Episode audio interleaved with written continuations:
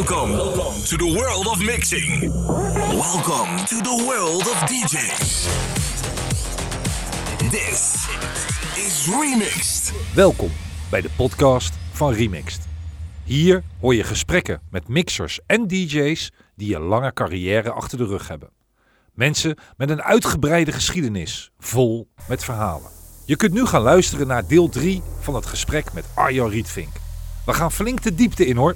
Niet alleen maar het mixen van cd's, maar hij ging al ook al heel snel masteren van officiële cd's.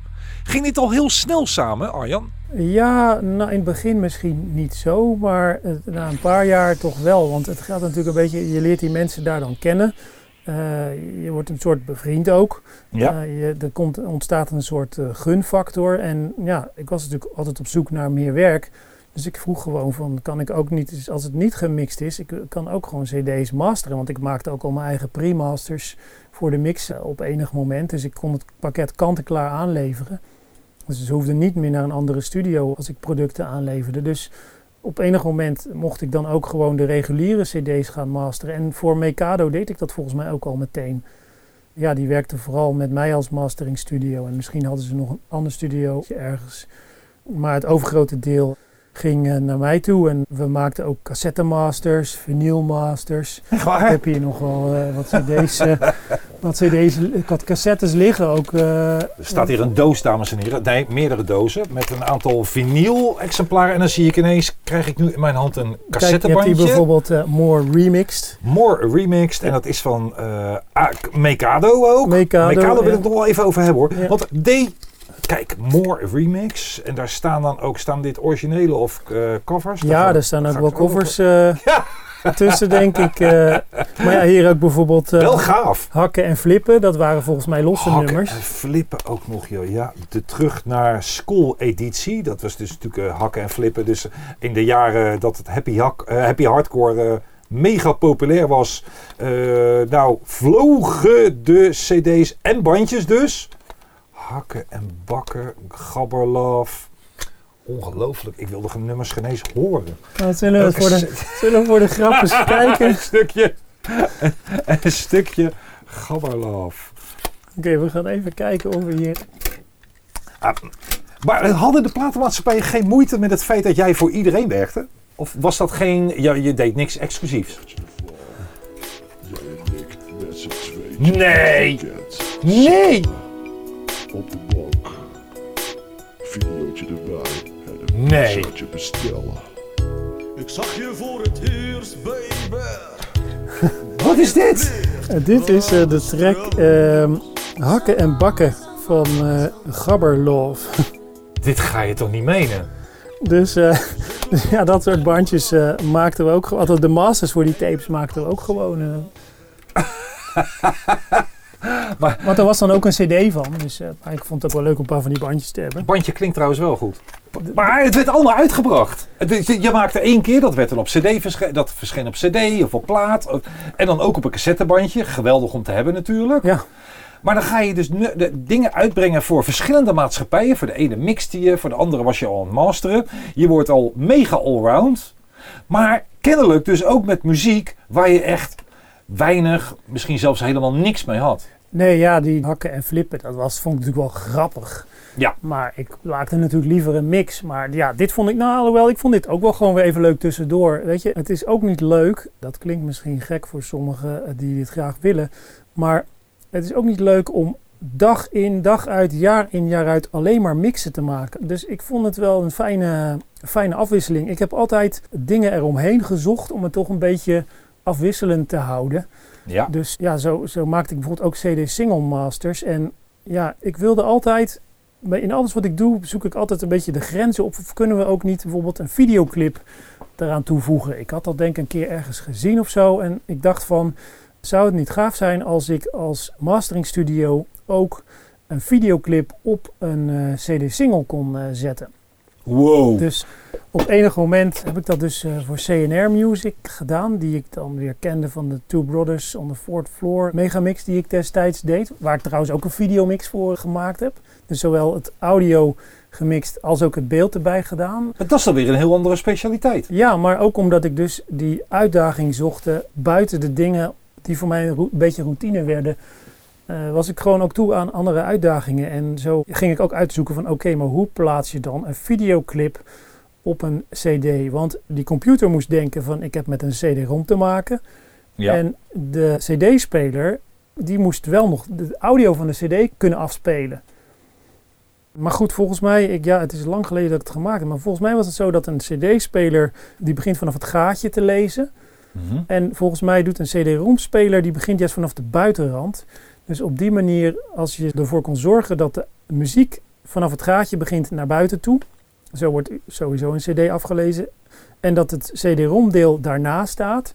Dan kon die computer dus die CD-ROM afspelen, alsof het een CD-ROM was. En had je dus op één disk, had je zowel CD-ROM als audio. eh, en daar moest dan ook weer een programmaatje omheen gemaakt worden, zodat die CD automatisch begon te spelen. Want ja, als je natuurlijk een CD eh, in je computer steekt en er gebeurt niks, ja, dan houdt het voor een hoop mensen al op. Dus je moest iets hebben wat automatisch die clip ging spelen.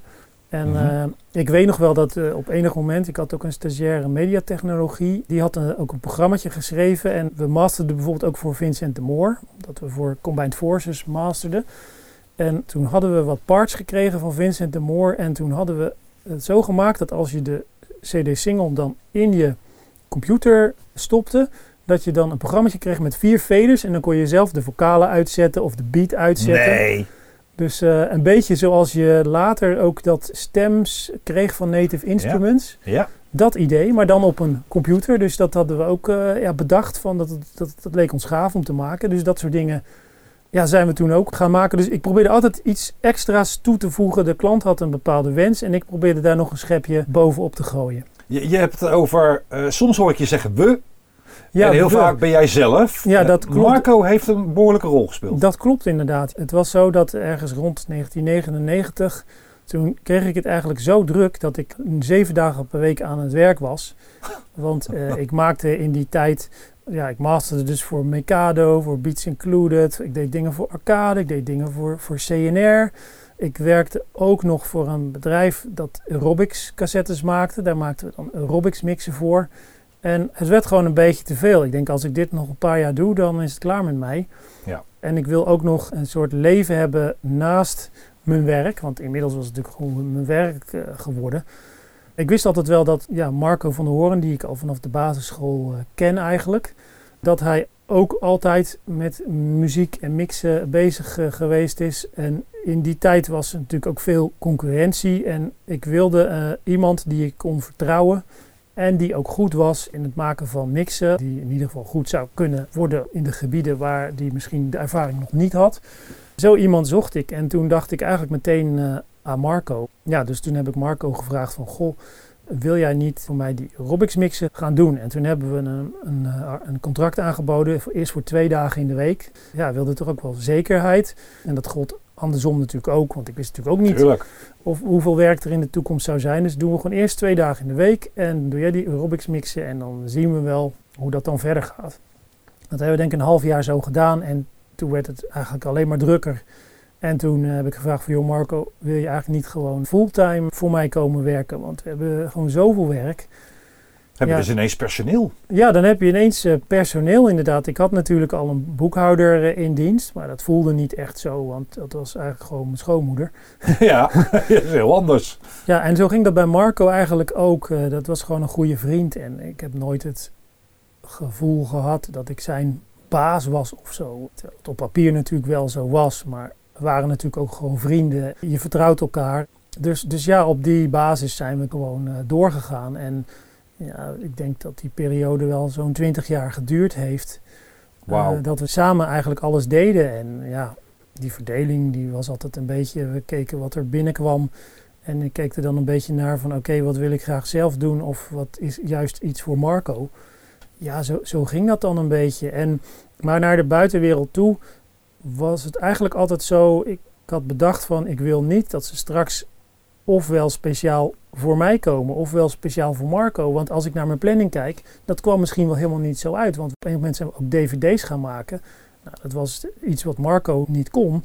Dus ik kon het natuurlijk niet hebben dat er dan een voorkeur was voor mij bijvoorbeeld bij een bepaald project, terwijl ik ook die DVD moest maken. Dus we hebben altijd gezegd van, Eh, het is gemixt door het bedrijf. Ja. En we verdelen dat werk gewoon samen naar hoe het beste in de planning past. En ja, zo hebben we eigenlijk twintig jaar lang samen dit werk gedaan. Ik ben eh, heel benieuwd eh, hoe je in contact bent gekomen met IDT. Want dat is eigenlijk wel een apart hoofdstuk in, dit he- in deze hele biografie. Ja, nou ja, ik heb voor mezelf ook een soort tijdlijn gemaakt. Of een soort stamboom eigenlijk van hoe ben ik nou bij bepaalde partijen gekomen. Ja. En ja, alles begint eigenlijk bij Ferry Maat. En dan, ja, dan ga je naar Hans Dames van Arcade. En Oh ja.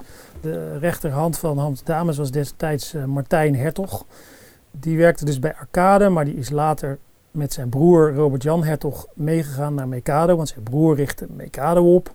Nou, na een jaar is eh, Martijn weer teruggegaan naar Arcade. En op enig moment werd Arcade verkocht aan Wegener. Ja. Eh, maar volgens mij was TMF eh, destijds van Arcade ook. En Wegener was Ja. vooral in TMF geïnteresseerd en wat andere dingen die in diezelfde groep vielen. En Arcade, naar wat ik begreep, vonden ze niet zo heel erg interessant. Dus dat was een beetje aan het, ik wil niet zeggen doodbloeden, maar de, de prioriteit lag daar niet meer. En Maar eigenlijk ging het bij beide al niet goed meer. nou ja, dat ging natuurlijk in die markt ook wat minder. Dus Wegener had waarschijnlijk uit ja, financiële belangen bepaalde keuzes gemaakt. Maar goed, Martijn wilde gewoon door. Die is toen eh, Beats Included begonnen. Ja. Waar hij dan dus, eh, ja, dat maakte dan in opdracht van andere compilaties. En later zijn ze dat ook zelf gaan doen. Maar in het begin ging dat dan via Loop. Later eh, onder eigen titel. Maar ja, voor Beats Included werkten ook weer mensen. En een van die mensen ging later naar IDT. Omdat ik ook volgens mij voor Dennis Doeland deed ik in die tijd ook heel veel. En die zat bij Combined Forces. Aha. Daar deden we alle vinylmastering voor. En eh dat deden we eigenlijk voor heel veel labels hoor. Purple Eye, Warner, Combined Forces, maar ook Freaky Records, Rhythm, Midtown en Media Records bijvoorbeeld ook waar eh, Gigi D'Agostino bij eh, zat vroeger. Het is echt niet te geloven hoe groot jouw klantenkring was en is. Ja, dat, kwam eigenlijk ook omdat ik dus die verzamel-cd's deed. En ik kreeg dus van al die labels muziek opgestuurd om in die mixen te gebruiken. Want dat werd meestal rechtstreeks naar mij gestuurd. En zodoende kreeg ik ook contact met die labels. En ja, omdat ik dus die tracks aan het mixen was en ook aan het masteren. En ik dacht toen ik bepaalde tracks hoorde van volgens mij moet ik ook voor hun gaan masteren. Want ik denk dat hier nog wel iets eh, winst te behalen valt in het geluid. En ja, op die manier ben ik met die A&R-managers van die platenlabels gaan praten. Daardoor kreeg ik eh, ja, ook masteringwerk vanuit die labels, wat eigenlijk nog een stevigere fundering gaf voor mijn bedrijf. En dan was het vaak ook al zo dat als ik dan weer een mix moest maken voor eh, een loop, dat ik de plaat al een paar weken eerder gemasterd had voor Combined Forces. Ja. Dus dat op enig moment eh, nog maar de helft van de platen hoefde, hoefde op te sturen. Want de andere helft, die, die, die had ik al allemaal liggen. eh, inderdaad. Nou ja, de Combined Forces, daar ging het op enig moment ook niet zo goed mee. Dus dat stopte op enig moment. En toen ging Dennis Doeland naar IDT. Ja. Want volgens mij is hij ook een goede vriend van Duncan Stutterheim. Een goede jeugdvriend nog en zo. Dat eh, was eigenlijk een vrij logische stap, denk ik, dat hij naar IDT ging. Op het moment dat IDT ook zelf platen ging uitgeven en ook CD's ging uitgeven. Ja, toen masterden we en mixten we ineens ook voor IDT. Waar ik ook nog weer allerlei andere mensen leerde kennen. Dick de Groot, Bas van Oers. Die ook later allemaal weer hun eigen weg gingen en mij ook weer meenamen in hun eh, avonturen als het om mastering en mixen ging. Was het, wa- wat waren de verschillen? Want je noemde eigenlijk op masteren, maar het masteren van een eh, sensation kreeg, kwam er op een gegeven moment bij. Klopt, ja. Lijkt mij toch anders dan een no sweat CD. Ja, het is wel anders, maar iedere muziekstijl heeft zo zijn eigen eh, norm en klank. Of wij zijn in ieder geval bepaalde dingen daarvoor gaan aanhouden waarvan we merkten dat het goed werkte. Of dat succesvolle hits ook zijnzelfde soort klank hadden. Ja. Het is soms ook natuurlijk gewoon een beetje, je hebt een, een collectie van 30 platen en je probeert een soort gemiddelde te vinden qua klank.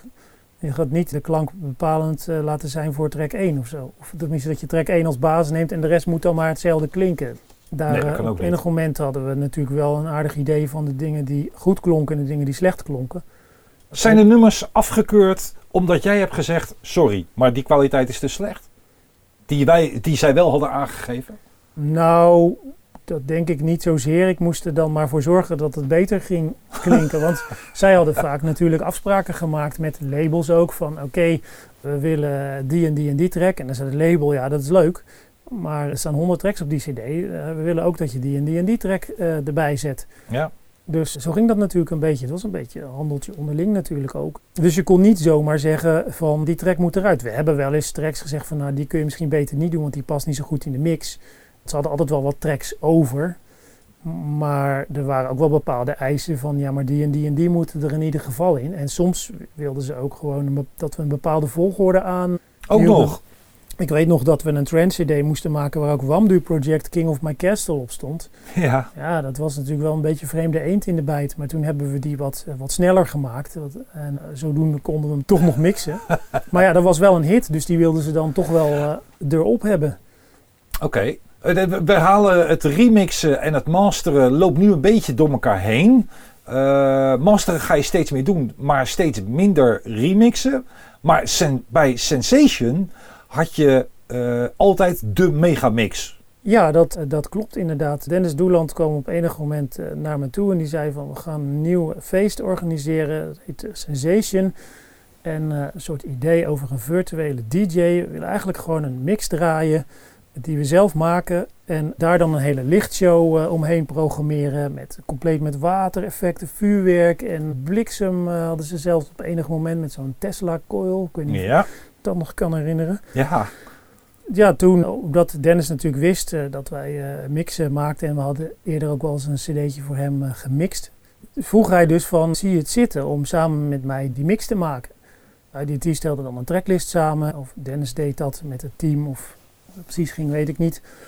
En kwam dan naar mij toe met al die platen en ja, daar moesten wij dan een 20 minuten hoogtepunt van maken voor op zo'n Sensation avond. Dan ben je ineens een collage van muziek aan het maken die straks voor 30.000 man in de Amsterdam Arena eh, Ja. afgespeeld wordt. Dus dat was wel heel erg gaaf om te doen. En eh, ja, er was ook altijd zo, dan maakten we die mix en dan ging Dennis met de mix terug naar IDT en dan werd er over vergaderd en dan moesten er dingen aangepast worden. Want Ja. het team had dan andere ideeën of ze wilden ergens een momentje inlassen voor een bepaald effect. Dus dat moest dan ook in de mix eh, verwerkt worden. Duncan is zelfs nog eens een keer komen luisteren naar de mix eh, bij ons in de studio. Dat is ook apart. dat is ook wel apart inderdaad, want dat was toch een icoon in die tijd als je het hebt over dansfeesten en zo. Ja. Dat waren wel mooie tijden en soms werd er op het laatst, moest er nog iets in de mix aangepast worden. Dan belden ze op zaterdagochtend nog op en dan was op zaterdagavond was de Nee. mix en dan hadden ze s'avonds tijdens de repetitie in de vooravond testen ze dat dan altijd. Er was natuurlijk geen publiek, maar dan waren ze nog achter wat dingetjes gekomen die dan nog aangepast moesten worden. Of iemand had ineens nog een idee wat erin moest. Of ik dat dan nog even kon aanpassen. En dan ging ik dus met de master, die dus s'avonds gedraaid werd, eh, onder mijn arm, eh, stond ik op enig moment in de lift van de parkeergarage van de Amsterdam Arena. En toen bleef die lift hangen. Nee, dat meen je niet. Dus ja, die lift die heeft al een half uur vastgezeten of zo. En ondertussen had ik dus die master die diezelfde avond in de arena gedraaid moest worden, had ik in mijn binnenzak. Dus het was wel zaak dat we tijdig uit die lift eh, bevrijd Nee, werden. Nee, het feest was toch nog niet begonnen? Misschien was het net bezig of eh, het was nog wel licht, weet ik nog wel. Dus misschien hadden ze net de inloopmuziek aangezet. Oh, wat een stress op dat moment. Ja, ja, dus dat was wel even een spannend momentje. En er waren nog wat mensen in die lift, die zaten niet graag in kleine ruimtes. Die begonnen ook een beetje te panieken. Logisch. Maar goed, uiteindelijk werden we toch bevrijd en waren we nog op tijd met die cd. Werd die dan vanaf CD ingestart? Ja, volgens mij, eh, we hadden een cd en er zat ook nog een soort van tijdcode aan vast. Want de hele show was natuurlijk geprogrammeerd op tijdcode. Ja. En eh, nou ja, natuurlijk, zo gaat dat. Want je wilde natuurlijk eh, dat de lichten en je wilde niets aan toeval overlaten. Dus de, die shows werden van tevoren geprogrammeerd. Maar om te zorgen dat het op de avond zelf op dezelfde manier gebeurde, moest je natuurlijk wel een soort tijdcode hebben waaraan je die momenten kon koppelen. Ja. In het begin werd het trouwens nog vanaf een soort harddisk player gedraaid, maar later zijn ze op cd's overgegaan en nou ja, dus heb allerlei systemen hebben de revue gepasseerd. Dat is toch eng? Maar deze, ja, ze hadden ook altijd wel een backup hoor. Ja? Er liepen twee machines. Als de ene dan uitklapte, dan hadden ze de andere nog. Heel slim. Dus eh, zo werk ik trouwens zelf ook nog als ik live uitzendingen doe vanuit mijn audiobus. probeer ik ook altijd ervoor te zorgen dat als er ergens een storing optreedt, dat ik nog snel naar een soort backup systeem kan overschakelen. Ja, dat- Zodat je niet eh, bij de eerste pech meteen al dat het einde oefening is, zeg maar. Heel goed, heel goed. Wat spannend. Ben je erbij geweest in de arena? Ja, ik ging altijd wel kijken natuurlijk, want je had dan eh, een maand gewerkt aan zo'n Precies, mix. ja. Eh, Dus ik was natuurlijk wel benieuwd hoe daarop gereageerd werd. Dus dat was altijd wel een hele happening. Maar ja, het was eigenlijk maar een jaar of zo dat ik echt als bezoeker ben geweest. Want daarna, toen kwam het verhaal van ja Arjan, ehm, we willen eigenlijk dvd's gaan maken. En als jij de masters van de dvd's ook kan maken, dan mag jij die masters gaan maken. Nee. Ja, toen dacht ik van oké, ja dat wil ik wel proberen. Ik zeg, Ja, maar- geluid alleen, heel beeld ook. nou, eh, beeld en geluid. Hè, dus dat is de registratie van het beeld van die zes uur of de acht uur dat het, dat het feest duurt. Compilatie en dan... Ja, precies. Wat er in het begin gebeurde. Kijk, ik editte niet het video of zo. Hè. Ik legde daar in het begin wel de basis voor. Want ik had eh, tegen IDT gezegd: we moeten dit eigenlijk vanuit een audiobasis benaderen. Dus we pakken die hele avond. We maken daar een anderhalf uur durend eh, programma van. Dan maak ik de knips in het audio. En dan moeten ze het beeld daar maar weer op sync leggen. Ja. Want daarvoor, daarvoor werd er ook vaak vanuit het beeld gewerkt. Maar dan kreeg je altijd van die rare knips in het geluid, omdat dat qua beeld dan goed uitkwam. Dus die situatie wilde ik meteen omgedraaid hebben, want ik dacht, ik wil gewoon dat dat geluid ook klopt, want het gaat tenslotte om de muziek. Ja. Toen eh, had ik een manier gevonden om een tijdcodelijst te maken terwijl ik dat audio editte. En die kon ik dan aan de mensen geven die het video editen. En die konden dat dan op een makkelijke manier inlezen, waardoor hun beeld ook eh, makkelijk sync te leggen was. Want ik wilde natuurlijk ook niet een probleem daar creëren. Dus de eerste keer dat de Megamix gedraaid werd, was ik er echt wel als eh, bezoeker. Maar de tweede keer eh, zat ik eigenlijk al in de regiewagen van het video om het audio eh, van het evenement op te nemen. Oh, toen al. Ja, dus toen kon ik het alleen nog maar zien vanuit de videowagen, waar je natuurlijk een prachtig zicht hebt op al die verschillende camera's tegelijk. Maar ja, toen was ik vooral natuurlijk met de DVD-registratie eh, bezig en was het megamix natuurlijk wel een speciaal moment. En ik wist ook precies wat waar kwam, dus dat was ook wel weer handig voor de audiomix. Ja. Dus ja, de jaar daarna heb ik het dus vanaf dat perspectief allemaal meegekregen. Maar dat was een eigen studiootje wat je dan kon inrichten, gelijk al? Nou, het is zo dat in het begin, toen we dit deden, toen huurden ze grote facilitaire bedrijven in die een grote vrachtwagen hadden omgebouwd tot een mobiele studio. Ja. Zoals ze die dan ook inzetten bij televisieprogramma's. Die, die wagens die deden in het weekend en s'nachts niets. Dus het was voor zo'n eh, facilitair bedrijf wel fijn ook dat ze dan hem s'nachts eh overdag deden ze er eh, lingo mee, bij wijze van spreken. Nou ja, dat programma waarschijnlijk niet, maar programma's met publiek Ja. in een grote zaal. En dan daarna, dan op vrijdagmiddag, dan konden ze hem naar de Amsterdam Arena verrijden, waar ze dan op zaterdagnacht Sensation registreerden. In het begin had ik natuurlijk geen eh, mobiele studio. Dus ja, maakten we gewoon gebruik van de faciliteit van het facilitaire bedrijf. In het begin namen zij dat op eh, digitale tapes op. Acht sporen tapes. En dan koppelden ze een aantal machines aan elkaar en dan konden we 24 sporen opnemen. Mhm. Je zou denken van ja, eh, een, een DJ, een MC en wat ambience, hoezo 24 sporen? Ja, is toch genoeg? Ja. Vier, vier sporen. Vier, vier sporen, maar ik moest natuurlijk altijd weer iets op een andere manier doen. Dus eh, wij namen dus naast de mix van de DJ namen we ook de inputs na de fader op. Dus we konden achteraf nog eventuele probleempjes corrigeren. En het gaf ook gelijk de mogelijkheid dat als een bepaalde plaat niet gekleerd was, dat je die er ook makkelijk tussenuit kon halen. En hem desnoods met een andere plaat kon mixen Veilig. om het gat te dichten wat dan ontstond. Dus we hadden uiteindelijk een DJ-mixer aangepast. Dat was een Pioneer DJM 600. Ja. En daar hadden we een speciale connector op de achterkant gemaakt met, eh, met zo'n 25-polige plug. eh, waar we dan iets van 10 kanalen apart uit de mixer konden trekken. Want we takten bijvoorbeeld ook de hoofdtelefoonuitgang af. En eh, alles wat, wat we maar konden aftakken, dat namen we los op. En zo vul je dan wel een aantal sporen op de multitrack. Dat besef je je dus helemaal niet als je dus zo'n DVD gaat kijken of weet ik van wat bij zo'n registratie, dat daar zoveel meer bij komt kijken. Ja, absoluut. En PA-bedrijven waren ook niet altijd heel erg blij met mij. Want dan kwam ik weer met een mixer die omgebouwd was en die zij niet kenden. Zij dachten natuurlijk, stel je voor dat ding houdt ermee op, dan eh, is het ineens stil Ja. in de arena. En er gebeurde ook wel een keer iets geks, want er was toen een DJ en die had ook wat eigen apparatuur nog tussen de draaitafels en de mixer ingezet. En dat waren van die filterbakken die je destijds had. eh, waar je aparte sweeps en, en allerlei andere gekke filterdingetjes mee kon doen. Dus die had dat er smiddags nog tussen gebouwd waar niemand van afwist. Toen was hij vergeten om die dingen op bypass te zetten. Dus de lage en de hoge tonen werden enorm geknepen. Dus toen begon het eh, feestje. En eh, toen vroegen ze zich af, waar is de bas gebleven? Nee! Toen eh, was het al snel, ja, die mixer van eh, Rietvink, eh, daar is iets mee. Die mixer moet eruit en zie je wel. En toen ja, werd het toch een beetje naar mij gewezen. En toen dacht ik van, ah, ik snap dat niet, want we hebben dat vanmiddag getest. En toen was het gewoon allemaal goed.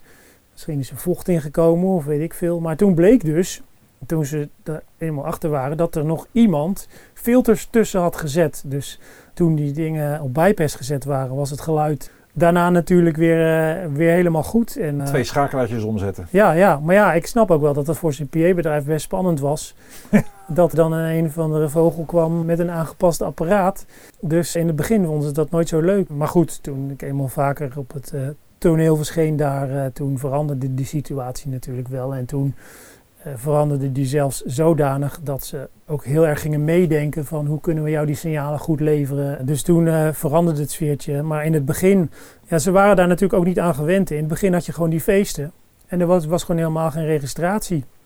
Nee. Dus ze hadden alleen met hun eigen ding te maken. En ja, daarna kwamen er ineens registraties. En toen kwamen er allerlei andere partijen die ook van allerlei eisen stelden.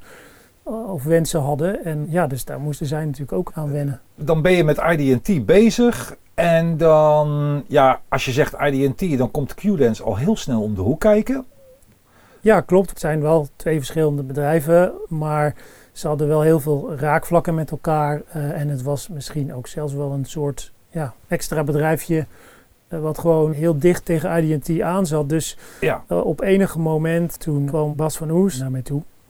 En die zei van, Q-Dance die eh, wil ook graag eh, dvd's maken. Die weten nog niet precies hoe ze dat kunnen gaan doen. Vind je het misschien leuk om dat ook voor Q-Dance te gaan doen? Zegt, het is wel hele andere muziek. Het is een beetje zoals Sensation Black. Dus ik weet niet of je het leuk vindt. Nou, laten we maar eens praten met die mensen en dan zien we gewoon wel. Dus toen werd ik in contact gebracht met Ibo. eh, die werkte destijds eh, voor de mediaafdeling van Q-Dance. Mhm. Ja, enige tijd later eh, stonden we ook bij Climax op te nemen en bij Defcon. En Daar noem jij Climax en Defcon. Dat zijn, Climax is het grootste hardere stijlen indoor evenement van de wereld. Defcon, het meest populaire hardere stijlen festival van Nederland. Misschien wel van de wereld ook.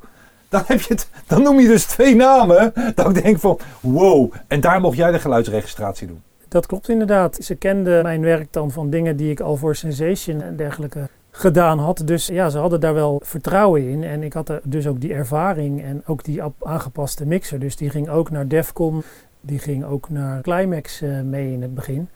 Want ik wilde natuurlijk wel de opnames op mijn manier kunnen doen, zodat die flexibiliteit van het achteraf editen van zo'n evenement duurt acht uur en op een dvd past gewoon maximaal een uur of twee het beeld. En je kunt daar natuurlijk ook nog drie uur van maken, maar hoe meer je op die dvd stopt, hoe slechter die beeldkwaliteit. Dus je moet ergens een grens trekken en ze hadden ook nog wat specials die erop wilden. Dus het was volgens mij vaak anderhalf uur. Ja. En daar moest dan de hele avond in zitten. Waarbij de shows ook vaak nog belangrijk waren. Dus die verbruikten ook wel wat ruimte op de, op de disk. Maar ja, daar zaten natuurlijk al hun geprogrammeerde effecten in. Dus dat wilden ze natuurlijk ook laten zien. Dus dat was altijd een hele puzzel. Hoe je dat toch binnen anderhalf uur gepropt kon krijgen. Ah, Het nadeel vond ik, dat eh, omdat die intro's zo gaaf waren, er was heel veel werk van gemaakt, was, eh, stel je voor je had 10 minuten per DJ, dan ging daar al eh, 3,5 minuut voor af, vanaf voor eh, het intro. Dan kreeg je 7 minuten even het muziekje, maar dan moest snel weer daarna de volgende DJ. Ja, ja, Dus ja. je had meer intro dan DJ. Ja, Bijna. dat, dat, dat gebeurde inderdaad soms wel. En ze zijn ook wel eens van dat idee afgestapt. En hebben ze dat niet gedaan? Ja, ze hebben natuurlijk ook van alles uitgeprobeerd. Het was Ja. voor hun natuurlijk ook zoeken. Ja, die intro's, daar zaten natuurlijk heel veel bloed, zweet en tranen in. Dus die waren voor hun natuurlijk heel belangrijk. En daar was ook heel veel bijzonders te zien natuurlijk. Die DJ-set, die was natuurlijk heel gaaf muzikaal gezien. Maar op het podium gebeurde er dan natuurlijk veel minder dan wat er in zo'n show in ene keer allemaal gebeurde. Dus, dus ja, dat was altijd een beetje de balans zoeken van hoe krijg je dat binnen anderhalf uur op de DVD. En ook daar was ik dan altijd weer op zoek naar de rand van de mogelijkheden van de eh, techniek. En gelijk eigenlijk al bij een van onze eerste dvd's die we deden. Dat was Johan Giele Recorded. Ja. Of tenminste, dat was eigenlijk een Trench Energy CD en daar zat een dvd bij. En die mocht Johan Giele dan eh, vullen. We hebben daar toen de hele set van Johan Giele opgenomen, met die aangepaste mixer ook. Toen daarna met Johan Giele in de studio de tracks uitgezocht die we konden gebruiken, die gekleerd konden worden. Maar er was tijdens de opname was er wat misgegaan. Want we maakten toen gebruik van die acht sporen digitale recorders. En de recorder waar de hele DJ-boot mee opgenomen werd, was precies de recorder die alleen op rack armed stond, maar niet op recording. Dus je hebt op die recorders heb je zeg maar afspelen, dan heb je een soort rack armed, waarbij je dus wel de bron door de machine heen ziet gaan, maar er wordt niets geregistreerd. Oh, pauze, zeg maar. Ja, maar die, ze konden ook gewoon afspelen. Dus het leek net of ze liepen. Dus na een half uur of zo, toen keek ik eens naar die machines. Nee! En toen zei ik tegen die audiotechnicus die dat bediende van... Ik weet het niet, maar die bovenste machine, daar knipperen alle lampjes van. Hoort dat eigenlijk wel? En ik zag hem een beetje wit wegtrekken zo. dus hij snel tik, tik, tik, tik, tik, al die kanalen erbij. Maar toen misten we dus de eerste 20 minuten van de set van Johan. En toen hebben we achteraf in de studio hebben we die set weer precies nagemaakt, dat begin. Want in het begin zaten ook een paar goede platen die er absoluut in moesten. Mhm. Maar er waren nog wat andere uitdagingen. Want ik had bedacht, of misschien eh, kwam het vanuit de platenmaatschappij, maar we wilden iets met een extra video-angle doen. Dus dat je naast de registratie zoals je hem normaal ziet, nog een alternatieve kijkhoek eh, had. Om eh, op een andere manier nog een keer de DJ-set eh, te beleven. Dus we hadden bedacht, als we op de tweede engel alleen de DJ-boot laten zien en alles wat Johan doet met die draaitafels. Dat is heel gaaf. Ja. En toen had ik zoiets van, ja, maar dan wil ik eigenlijk ook horen wat hij dan aan het doen is. Op de tweede engel zag je dus Johan technisch bezig, zonder dat je het publiek dan zag, want dat zag je op de eerste engel. Maar je hoorde hem dus ook scratchen en het scherp stellen van die platen.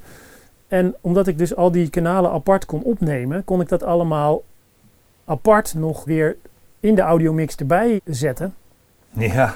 Eh, dus je hoorde hem via zijn hoofdtelefoon scherp zetten. En dan hoorde je dat die plaat strak liep. En dan hoorde je hem, dat hij hem erin mixte. Ah. En dat hoorde je dus op de tweede engel. Maar omdat dus die opname van het eerste stuk mislukt was, moest Johan dat ook allemaal in de studio weer precies hetzelfde nascratchen. Dus wij naar dat beeld kijken en hij precies die plaat zo. Nee! Want ja, anders was onze hele feature verpest. En Ja, dat We klopt. hadden natuurlijk onze zinnen gezet om dat ook juist erbij te doen. Want ja, dat was leuk, dat stukje extra. Dus dat heeft hij toen helemaal nog weer opnieuw in elkaar gezet. Dat, Jezus, Dat maar begin- precies op dezelfde tel moet hij hem dus erin mixen. Exact allemaal op hetzelfde moment. Ook de hardheid voor het inschuiven van de volgende plaat. Ja, dat moest allemaal op dezelfde manier gaan. Maar gelukkig hadden we al die camerabeelden. Dus we konden precies zien hoe hij dat deed. En hadden dus ook een voorbeeld van, nou, zo moet hij dat nu dus weer doen.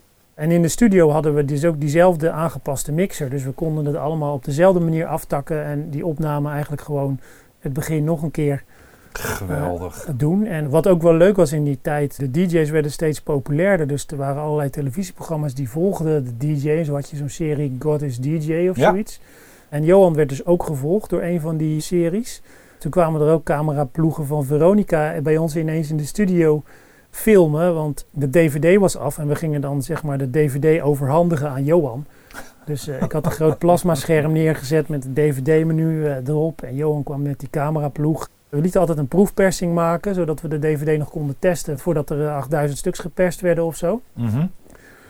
Want DVD, dat is toch net even wat lastiger dan eh, CD. En dat moet je gewoon goed testen. En je kon dat destijds alleen maar goed testen door echt een exemplaar te laten drukken. Dus er werden meestal 10 exemplaren gemaakt. En die gingen we dan testen in allerlei merken, verschillende soorten DVD-spelers. Dus dan hadden we in ieder geval een proefexemplaar. Dat konden we dan aan Johan geven. Dat werd dan allemaal op camera gezet. Dus ja, dat waren eigenlijk de leuke extraatjes. En eh, Johan was ook ontzettend leuk om mee te werken. Hij vertelde altijd graag over zijn passie eh, met kooikarpers. Hij fokte, Ja. hij fokte kooikarpers. En eh, op een dag had hij ook een nieuwe auto, een BMW X5 of zo, denk ik. Of nou ja, ik, was niet zo erg met auto's. Maar Johan was dan zo. In de pauze gingen we dan even. Ja, je moet even zien, ik heb een nieuwe auto. Dus nou, wij op dat industrieterrein eh, waar we zaten. nog even heen en weer gescheurd. Nee. eh, dus dat, zijn, ja, dat is gewoon heel leuk om die mensen ook op die manier mee te maken. Want DJ's zijn over het algemeen altijd hele leuke mensen om mee te werken. Ja. Dat zijn toch ja, de mooie momenten, denk ik. Want in die tijd... Ja, Die jongens hadden het ook mega druk. Dus Ja, die kwa- had het mega druk. Dus die kwamen dan bij ons eh, naar de studio om een cd ook eh, op te nemen. En zo hebben we Armin van Buren, DJ Jean... eh, maar ook bijvoorbeeld een DJ Core of een DJ Patrick van de Hollywood. Destijds ook een hele bekende.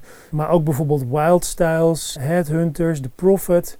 Maar die kwamen naar jullie toe en die komen dan, dit, dan, dan zet je daar een DJ-booth neer en dan gaan ze mixen. Of moet ik, het dus, zo zien? ik had dus die DJ-boot ge- gebouwd en ook met die aanpassingen erop. eh, Ja. zodat de jongens gewoon lekker relaxed een mixje konden doen. En als er achteraf iets was, dan hadden we in ieder geval alles ook nog in losse sporen.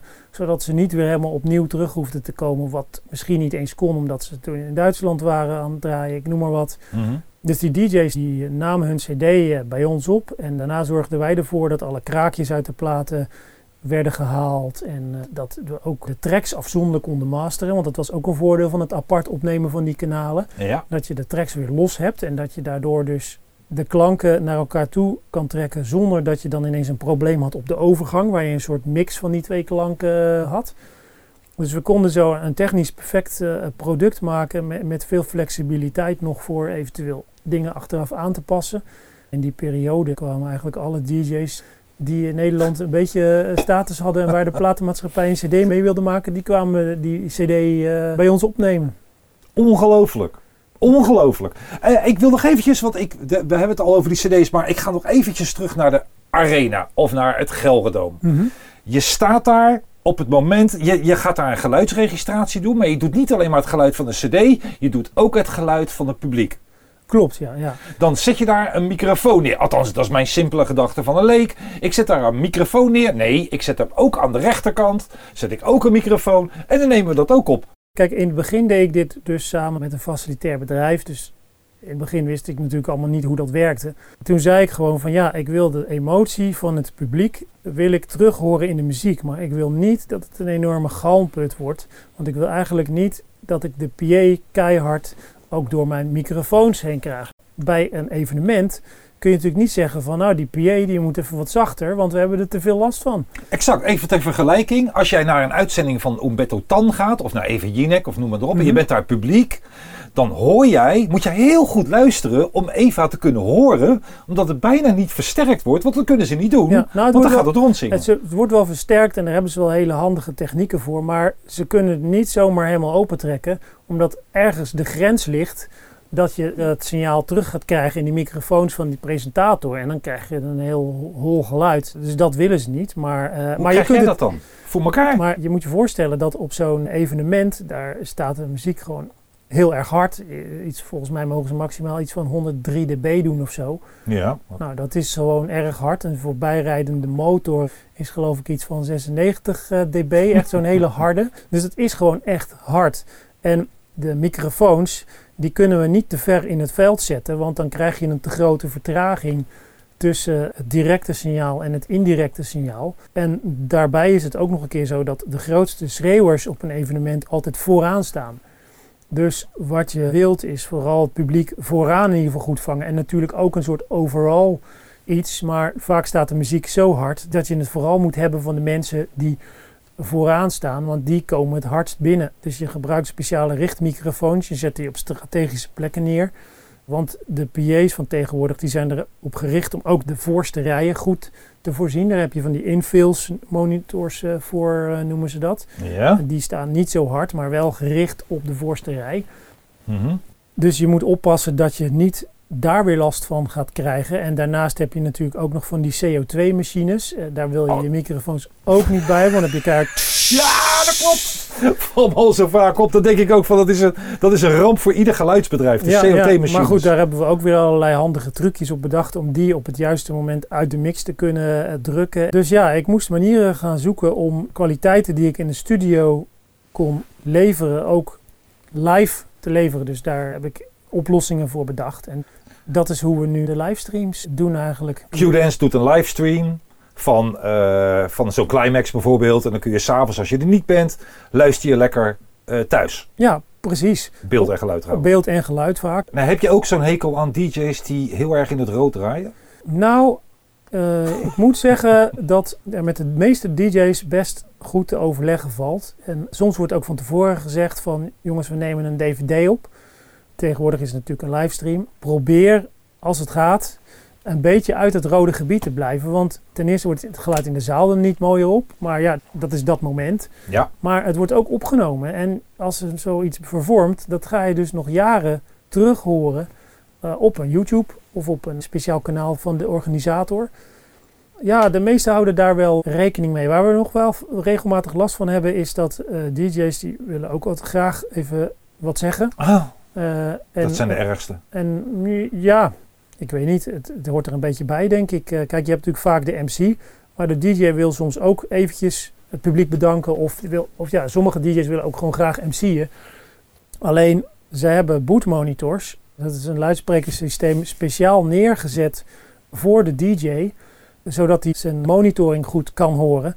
Alleen, ja, die dingen staan soms vrij hard. Als ze in de- heat of the moment, als ze echt helemaal in hun set zitten, vergeten ze soms dat die microfoon aan staat. En dan staan ze zo te zwaaien met die microfoon langs die... eh, Dus ja, dat zijn wel eens de uitdagingen waar je mee te maken hebt. Als ze eenmaal aan het draaien zijn, dan zijn ze niet continu bezig met van... Oh, je moet daarop letten, je moet daarop letten. Ze zijn gewoon hun ding aan doen. En- Tuurlijk. en Fanatisme. daarbij, ja, fanatisme. En daarmee gebeuren die, eh, ja, die dingen ook wel eens. En bij de dvd's kon je dat vroeger natuurlijk eruit halen. Maar bij live-uitzendingen is dat soms lastiger. Want ja, je weet niet wanneer die dat precies doet. En je weet ook niet of hij daarna meteen iets gaat zeggen. Dus je kunt het ook niet zomaar dichtzetten allemaal. Het zijn een hoop uitdagingen die je dan tijdens zo'n uitzending hebt. Maar dat, dat, dat houdt het ook leuk, denk ik. Ja, ik, ik, eh, als ik, eh, ik kijk regelmatig livestreams terug, ook op via YouTube. Mhm. Q-Dance doet dat heel vaak. Eh, zeker van grote evenementen, wat ze nou, met Dedicated, Q- Defcon, je kan alles eigenlijk terugkijken. Ehm, maar wat we allemaal weten is dat eh, ook YouTube heeft een bepaalde compressie voor licht en geluid. Is dat op YouTube, eh, dat lijkt me altijd een beetje sneu. Als jij dus heel erg bezig bent geweest aan, om, om de kwaliteit zo mooi mogelijk te houden. Heb ik het niet over beeld, maar puur over audio. En dan komt YouTube eroverheen en dan wordt het toch nog een stuk minder. Ja, de streaming die maakt het geluid soms wel minder inderdaad. En dat heeft ook wel eens te maken met de verbinding vanuit de locatie naar de stream toe. Eh, vaak wordt het ook meerdere keren gecodeerd, omdat het, het signaal moet verplaatst worden. En uiteindelijk moet iedereen dat kunnen zien live. Ja. Dus er zitten een aantal ja, vertaalslagen tussen. En ik probeer er altijd voor te strijden dat die bitrates zo hoog mogelijk zijn. En ik probeer ook altijd ervoor te zorgen dat de stream eh, zo hard mogelijk is. Want we hebben meegemaakt dat als je dus op televisienorm een livestream gaat eh, voeden, dat je dan allemaal in de comments krijgt harder, harder, harder. Want ja, zo'n- als je dat op je telefoon moet luisteren, die volumeknop kan niet harder dan 10.